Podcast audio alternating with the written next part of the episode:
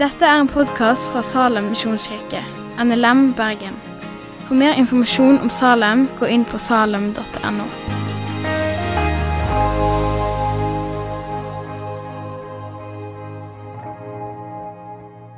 Og jeg har skjønt at det her er siste lørdag før eh, en tar liksom litt sånn ferie. At det er lørdagsgudstjenesten setter litt pause nå på sommeren. Så veldig kjekt å få komme her siste, eh, siste søndag, sa jeg allerede nå, siste lørdag.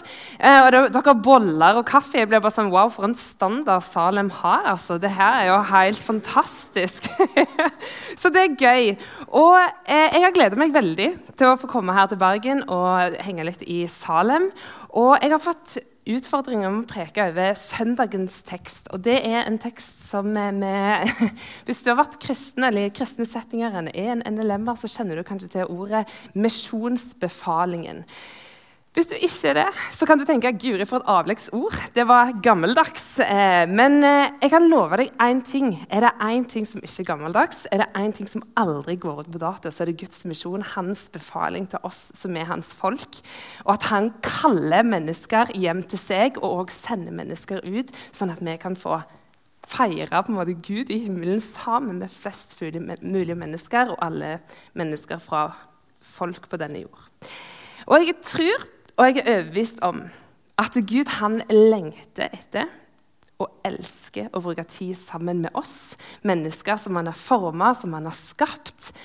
Eh, og vil ha fellesskap med oss.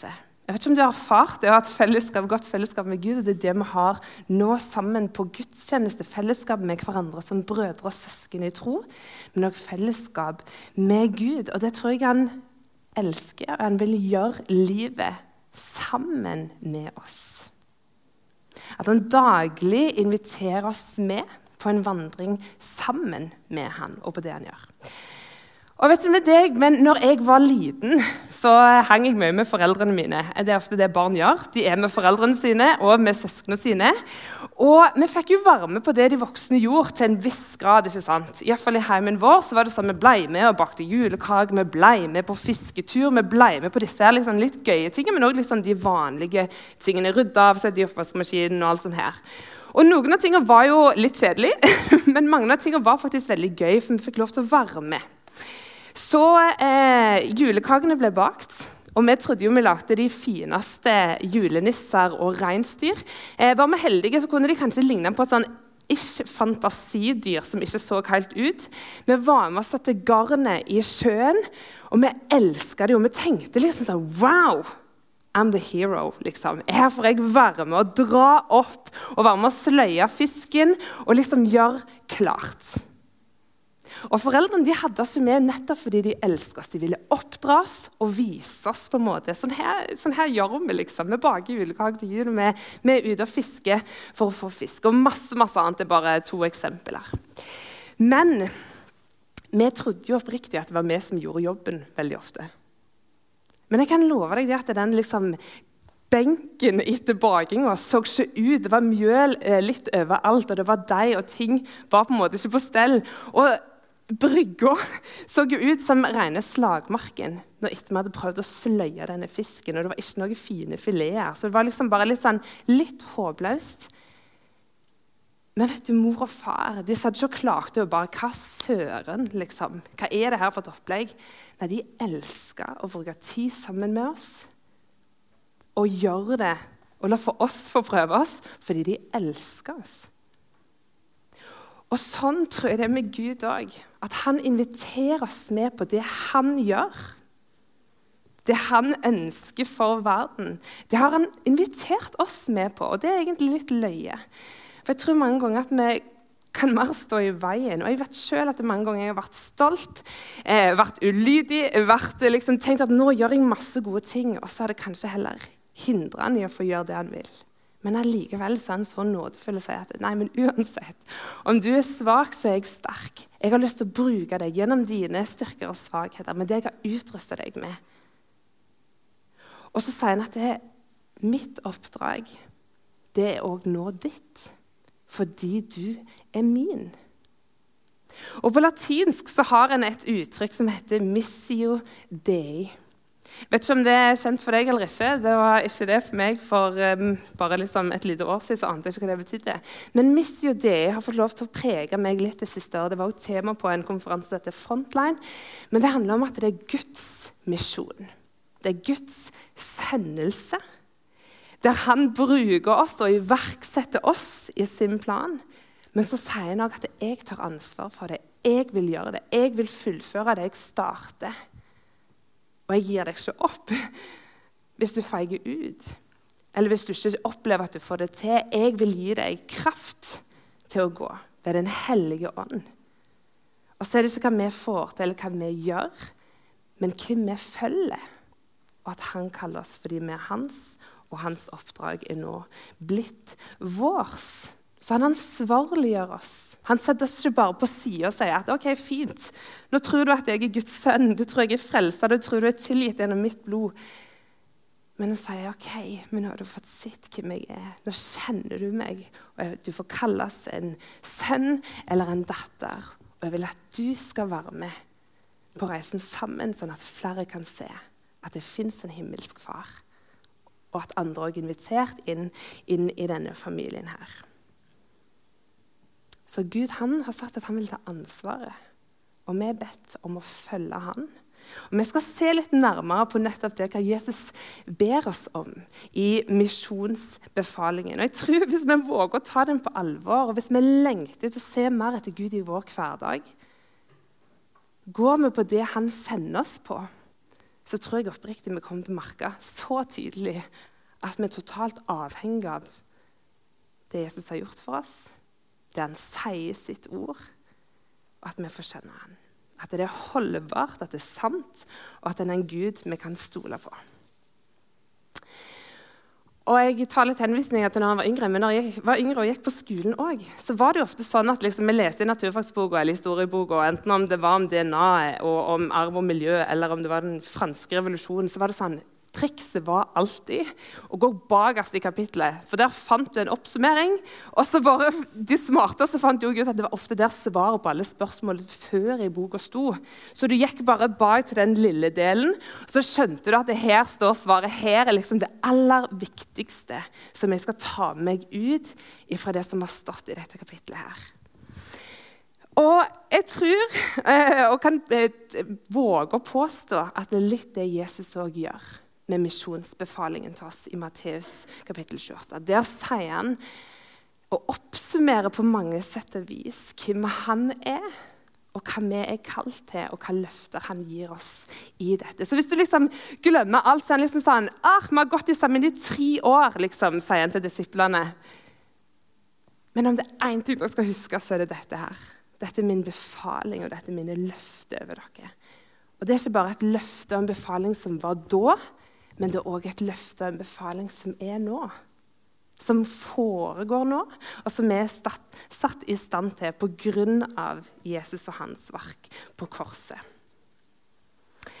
Så har jeg jo lyst til at vi skal lese denne teksten. Og jeg er ja, litt skada av å ha gått på lærerskolen, så hvis vi kan få opp teksten, så har jeg egentlig veldig lyst til at liksom, fra der eh, Jesus begynner å faktisk si misjonsbefalingen der det står 'Jeg har fått all makt i himmel og på jord'. Så har jeg liksom lyst til å få med dere da, til å være med å lese det. Så jeg leser fram til det, så dere må følge med i teksten. Her går det ikke an å eh, koble seg av. Men jeg leser fram til det, og når vi kommer her, så gir jeg liksom et lite sånn tegn. da, Så bare bli med. ok, Er dere klare for det, Salem? Ja, så bra, så bra. Da leser jeg i Jesu navn. Men de elleve disiplene dro til Galilea, til fjellet der Jesus hadde sagt han ville møte dem. Og Da de gikk for å se ham, falt de ned og tilba ham, men noen tvilte. Da trådte Jesus fram og talte til dem. Jeg har fått all makt i himmelen og på jorden. Gå derfor og gjør alle folkeslag til disipler. Døp dem til Faderens og Sønnens og Den hellige ånds navn, og lær dem å holde alt det jeg har befalt dere. Og se, jeg er med dere alle dager inn til verdens ende. Amazing. Så nice. Så tar jeg og ber litt og sier at Jesus, jeg takker deg for denne befalingen her. Takk, Hellige for at du er den som har satt oss i stand til å kunne gå på dette. Her må du lede gjennom de neste minuttene nå. og La oss få sitte igjen med deg og ditt ord og sannheten om deg, Jesus. Og den skal få prege oss.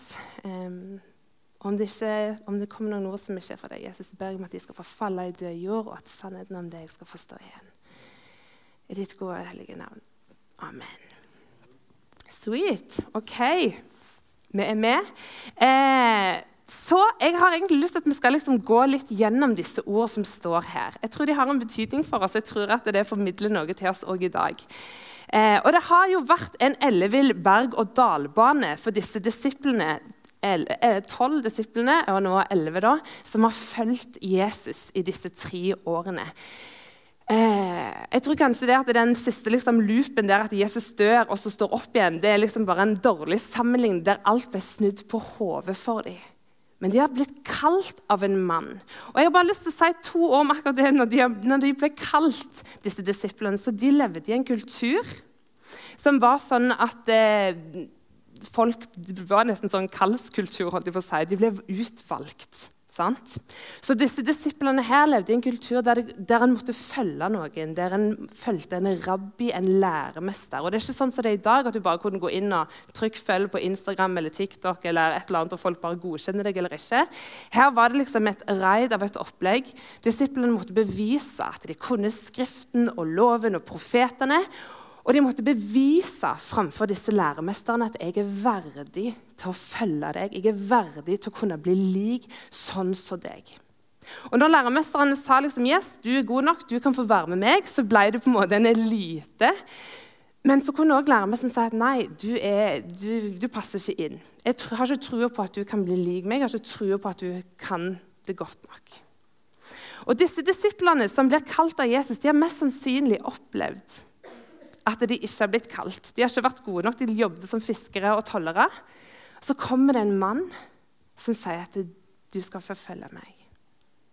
Jeg vil ha med deg å gjøre. Og det Han sier da, er at jeg, jeg tror at du kan bli lik meg. Jeg har lyst til at du skal følge meg og ligne meg blant mennesker. Så Det er helt unikt at disiplene har opplevd det. Og så har det godt med han opplevd mirakler, fått nye vennskap hatt diskusjoner, samtaler, gått nært på Jesus. Og så blir han sendt inn i fangenskapet, inn i døden, og de svikter han. De banner på at de ikke kjenner han. De blir livredde, og han de hadde satt sin lit til, er plutselig ikke en mann som er til stede lenger. Og så står han opp, og så har de rykter, så kan plutselig Jesus være litt overalt. Og så får de beskjeden av kvinnene som møtte Jesus ved graven, som sier at gå til Galilea. Der vil Jesus møte dere. Og de går der Jesus hadde sagt at han ville møte dem. Og du tenker liksom sånn ah, Galilea, Hvorfor akkurat der? Og det har jeg undra meg litt over. Men jeg tror når disiplene hører jeg skal tilbake til Galilea, om det ringer ei lita bjelle og sa at der er, der er jeg fra. Og det var faktisk der Jesus kalte meg første gang. Det var der han sa 'Jeg vil gjøre deg til en menneskefisker'.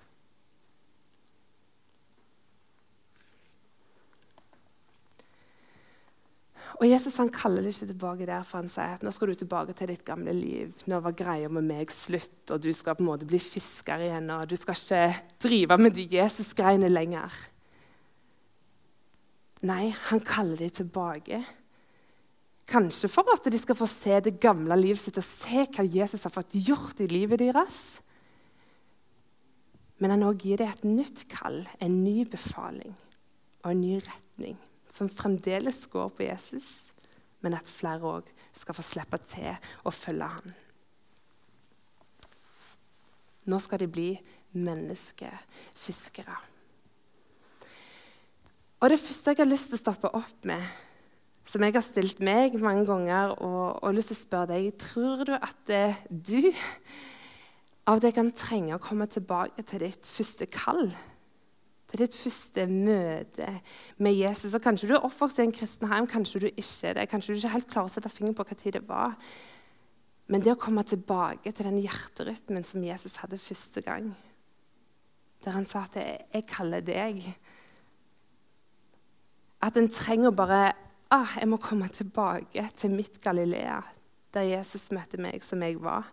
Der jeg ikke hadde prestert noe, der jeg ikke hadde vært noe annet enn bare meg. Og så sa jeg allikevel Jesus at deg vil jeg ha med å gjøre. Og jeg trenger mange ganger å komme tilbake der. Tro meg. For jeg har lett for å bli distrahert. Lett for å glemme hvem Jesus er, og hva han egentlig har satt meg til. Jeg tror Jesus inviterer oss til å komme bak der i dag. Og han sitter og venter, sånn han kan få fornye oss.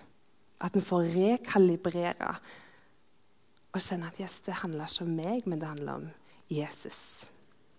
Og hos Jesus er det alltid nye sjanser. Det har jeg bare lyst til å si. Det er aldri en lost case med Jesus. Og så har jeg lyst til å gå litt videre. Jeg har lyst til å se på den makten som Jesus har, og den han proklamerer at han har fått. Og det fascinerer meg at det står at eh, de faller ned og tilber, men samtidig så tviler de. Eller det er noen som tviler.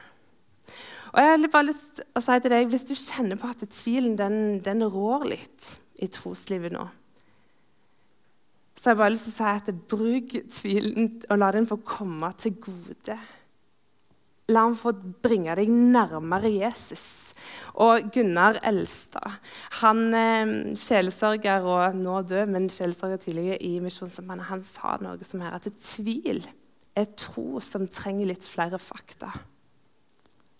Tvil er tro som trenger litt fakta. Tro og tvil de går sammen. Men la tvilen komme deg til gode og få bringe deg nærmere Jesus. At du får søke dypere inn i en relasjon med han. Men de kaster seg altså ned. De faller ned når de ser Jesus. Tenk det for en tilbedelse. Bare de ser Jesus, så faller de ned foran hans føtter og tilber han. Og det står så holdt jeg på å si, i kontrast med, med alt andre. Og Tidligere i Nye Testamentet så står det om når Jesus ble frista av djevelen. Og Da sier djevelen at 'jeg kan gi deg alt'. Ser du dette her, disse verdens byer? Dette kan bli ditt, Jesus. De kan falle ned og tilbe deg så lenge du faller ned og tilber meg. Og Så svarer Jesus at det er kun Herren din Gud du skal tilbe. Det er kun Herren din Gud du skal tilbe, og Han alene skal du tjene. Og her lar Jesus seg tilbe. Og jeg synes Det bare viser så tydelig at Jesus har selv sagt at det er kun Herren din Gud du skal tilbe. Og her lar Jesus òg seg bli tilbedt. Jesus han er sann Gud og sant menneske. Og han har fått all makt i himmel og på jord. Og Det står i kontrast til disiplenes avmakt. Kontrast til, til djevelens tilbud om makt. Men Jesus han har all makt, og det er på denne makten vi får vår frimodighet. At det er Jesus som har makten. Og vi har blitt bedt om å gå ut ifra den. Det er vår frimodighet. Og I 2. Timoteus vers 9 så står det at han har frelst oss og kalt oss til et hellig kall. Ikke pga. våre gjerninger, men av sin egen vilje og nåde som er gitt oss i Kristus Jesus fra evighet av. Det er alltid nåden som er utgangspunktet både til frelsen, men òg til kallet. Som er hans gode vilje. Så det er ikke vårt eget kall eller vår nød eller vår lengsel eller våre evner eller våre oppgaver det står og faller på, men Jesu makt til å frelse. Og at det er han som har all makt. Og Så kommer vi til denne befalingen som dere leste så fint sammen med meg. Jeg har fått all makt i himmelen og på jord. Gå derfor ut og gjør alle folkeslag til disipler. Og Vi skal døpe dem, eh, og vi skal lære dem det Jesus har lært overveldende stort. Virker veldig umulig på sett og vis. Men Jesus gir oss også løfter om at han vil stå fast i dette og han vil fullføre det han har startet. Men Vi kan også se liksom sånn, Det er all, alle, alt og alle hele tiden. Det er ingenting som utelukkes fra det Jesus. Han har fått all makt. Vi skal gjøre alle folkeslaget. Og vi skal holde alt han har befalt, og han vil være med oss alle dager. Det er ingen dager, ingen folk, ingenting som ikke rommer inn under befalingen som Jesus gir oss. Og det er han som har myndighet til å befale. Jeg tror Vi lever også i et samfunn og et jag der vi sjøl har lyst til å befale, der vi sjøl har lyst til å bestemme. Og jeg vet ikke når du, eh, som, som, liten med mine venner så lekte jeg ofte 'Kongen befaler'. Har dere vært med på den leken? Ja. Eh, det, for deg som ikke har vært med på legen, så er det egentlig sånn at det er en som har den, de andre skal gjøre det kongen befaler. Kun hvis han sier 'kongen befaler hopp opp og ned'. Da skal han hoppe opp og ned. Hvis ikke, hvis han bare sier 'hopp opp og ned', og en gjør det, så rygger en ut av legen. Så gjelder det liksom å holde ut lengst mulig i legen, da. Eh, og det synes jeg bare var liksom, ble liksom. Jeg tenkte på det når jeg sa det var sånn, ja, stemmer. Det var liksom kun når kongen befalte, at det, det vi gjorde, det gjaldt. Og her er det kun det kongen befaler. Det er dette kongenes konge har befalt oss. Samtidig så var det jo den legen at hvis kongen skulle egentlig prøve å lure folket sitt sant? Han skulle liksom prøve å få folk til å ryke ut og si masse tull. Men denne kongen her, han tuller ikke. Dette er ikke bare løye liksom, for han og en liten vits, og dette kan bli gøy hvis vi får til. liksom. Nei, det her er liksom This is it. Dette er det han vil ha med folket sitt på, det er det han befaler oss til å gjøre. Så det er kongen som befaler til å døpe i Faderens, Sønnen og Den hellige ånds navn. den treenige Gud, som vi døpes inn til, og vi legger våre navn under hans navn. Og I tillegg så skal vi lære av disippelgjør. Vi skal forstå, se litt mer og mer. Og Jeg hørte en gang at liksom det beste bildet på en disippel er at han kan ligne på hvordan er det det? Jesus bakfra, men en sau forfra. Så Foran så ser han alltid helt lost ut, på en måte. En er en sau som følger etter en annen. Men bakfra så kan han ligne en disippel, ligne en Jesus, sånn at andre igjen kan følge bak. Ga det mening? Så Som en disippel så er du både kalt til å lære og vandre etter Jesus hver en dag i motgang og medgang. Be om tilgivelse, ta av sitt kors og alle de greiene der. Men samtidig så skal han få lov til å være med og ligne Jesus, sånn at andre kan følge deg. Så altså, Disiplene her var jo ikke ferdig utlært, de hadde ikke fatta alt. Men allikevel så var de kalt til å gå. Og Det gjelder meg og deg òg i dag. Selv om en ikke har fatta alt, selv om en ikke har grepet alt, selv om en ikke har tatt mange år på teologi eller skjønner liksom alt, som er likevel kalt til å ligne Jesus i det vi er satt i i vår hverdag. Og det krever vår tålmodighet. Og når vi er tålmodige og venter, så tester det vår tro, og vi får vokse i kjennskap til Jesus. Og i disippelgjøringen, da At vi ikke bare liksom skal liksom, Nå skal vi bare fortelle om hvem Jesus er, så vi er ferdig. Men den daglige vandringen så vil det òg komme fram flere nådegaver. Vi trenger ulike folk inn i det som kalles misjonsoppdraget. Ikke, og jeg, jeg, ikke misforstår meg og si at liksom, det å evangelisere er ikke viktig, for det er det som er det viktigste, at vi skal få ut budskapet. Men vi trenger òg at folk er med. Og disipp disippelgjør og vise hvordan livet etter følelse av Jesus ser ut i hverdagen. Jeg skal ikke begynne å ramse opp hvordan det skal se ut. Det ber de om at du skal ta opp med Jesus i de stille stund. Vis meg, Jesus, hvem du er, hvordan det kan se ut å følge deg i min hverdag. Så vil han vise deg når du bruker tid sammen med han.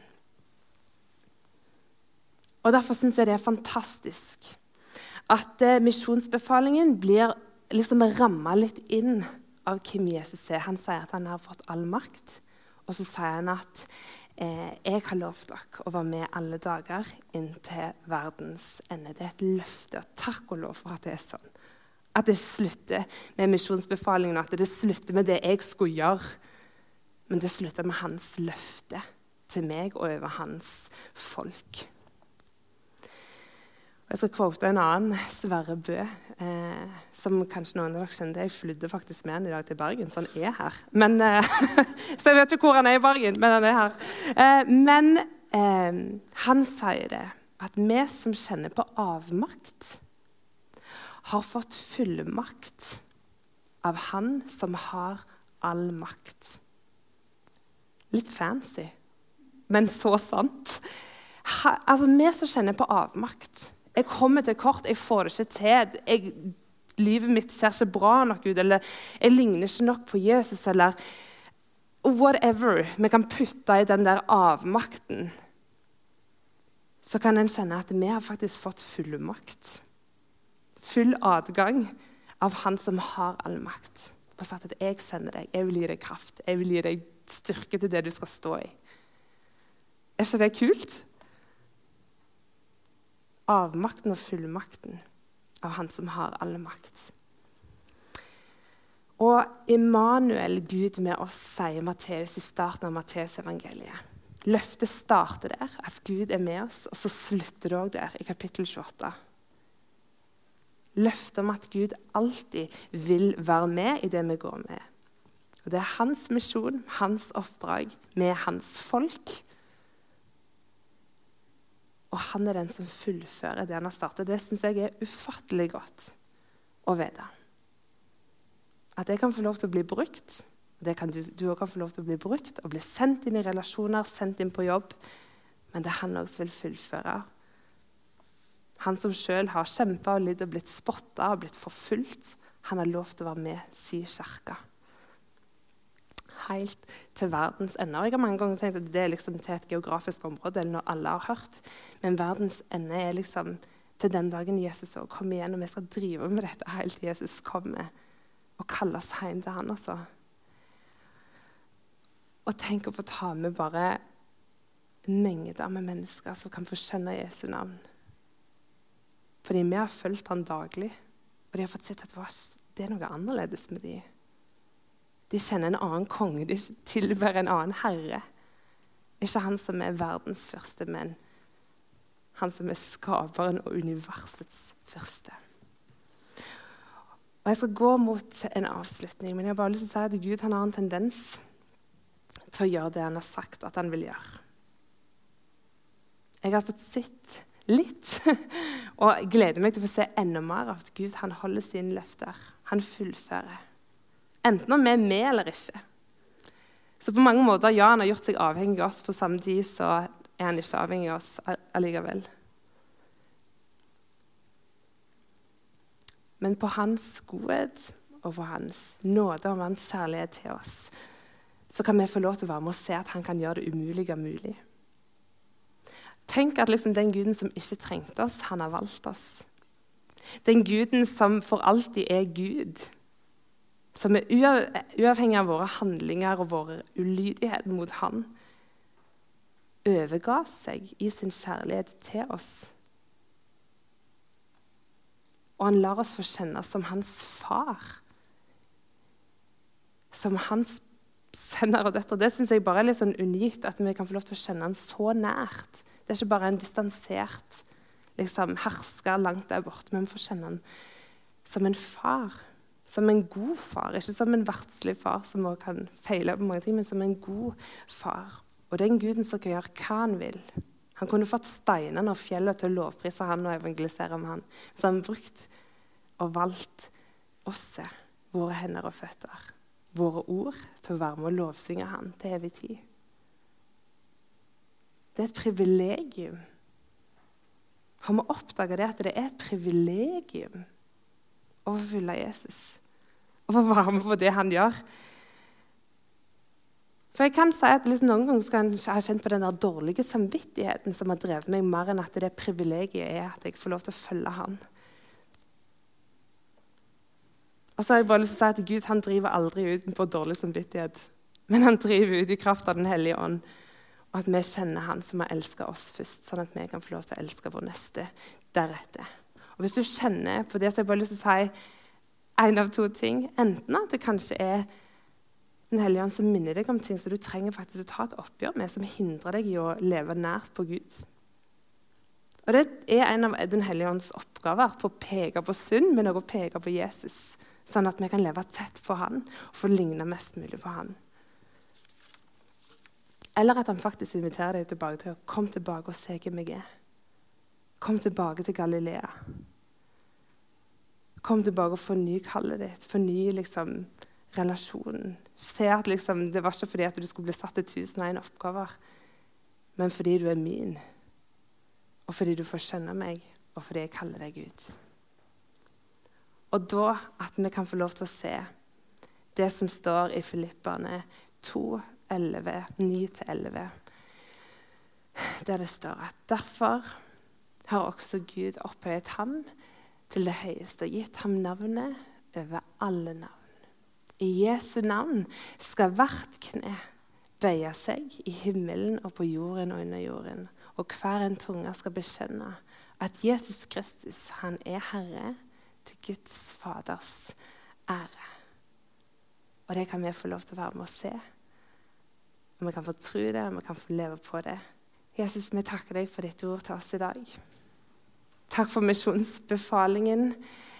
Eh, takk for at det er noe som gjelder oss alle. At det er ikke noen som er nedgradert og kan tenke at ja, ja, det var ikke for meg. Men du har faktisk kalt hver og en av oss til å følge etter deg, til å ligne deg og til å leve livet sammen med deg. Hjelp oss ikke ta det som en anbefaling og tenke at ja, ja, det gjør jeg hvis jeg har tid til overs, men at det er det livet dreier seg om og handler om. Å få invitere flere hjem til deg, og la oss få kjenne den sanne deg, Jesus. I ditt gode, allmektige navn så ber vi. Amen. Takk for at du har hørt på podkasten fra Salem, Bergen. I Salem vil vi vinne, bevare, utruste og sende, til Guds ære. Vi ønsker å se mennesker finne fellesskap, møte Jesus og bli disippelgjort her i Bergen og i resten av verden. Vil du vite mer om oss, gå inn på salem.no.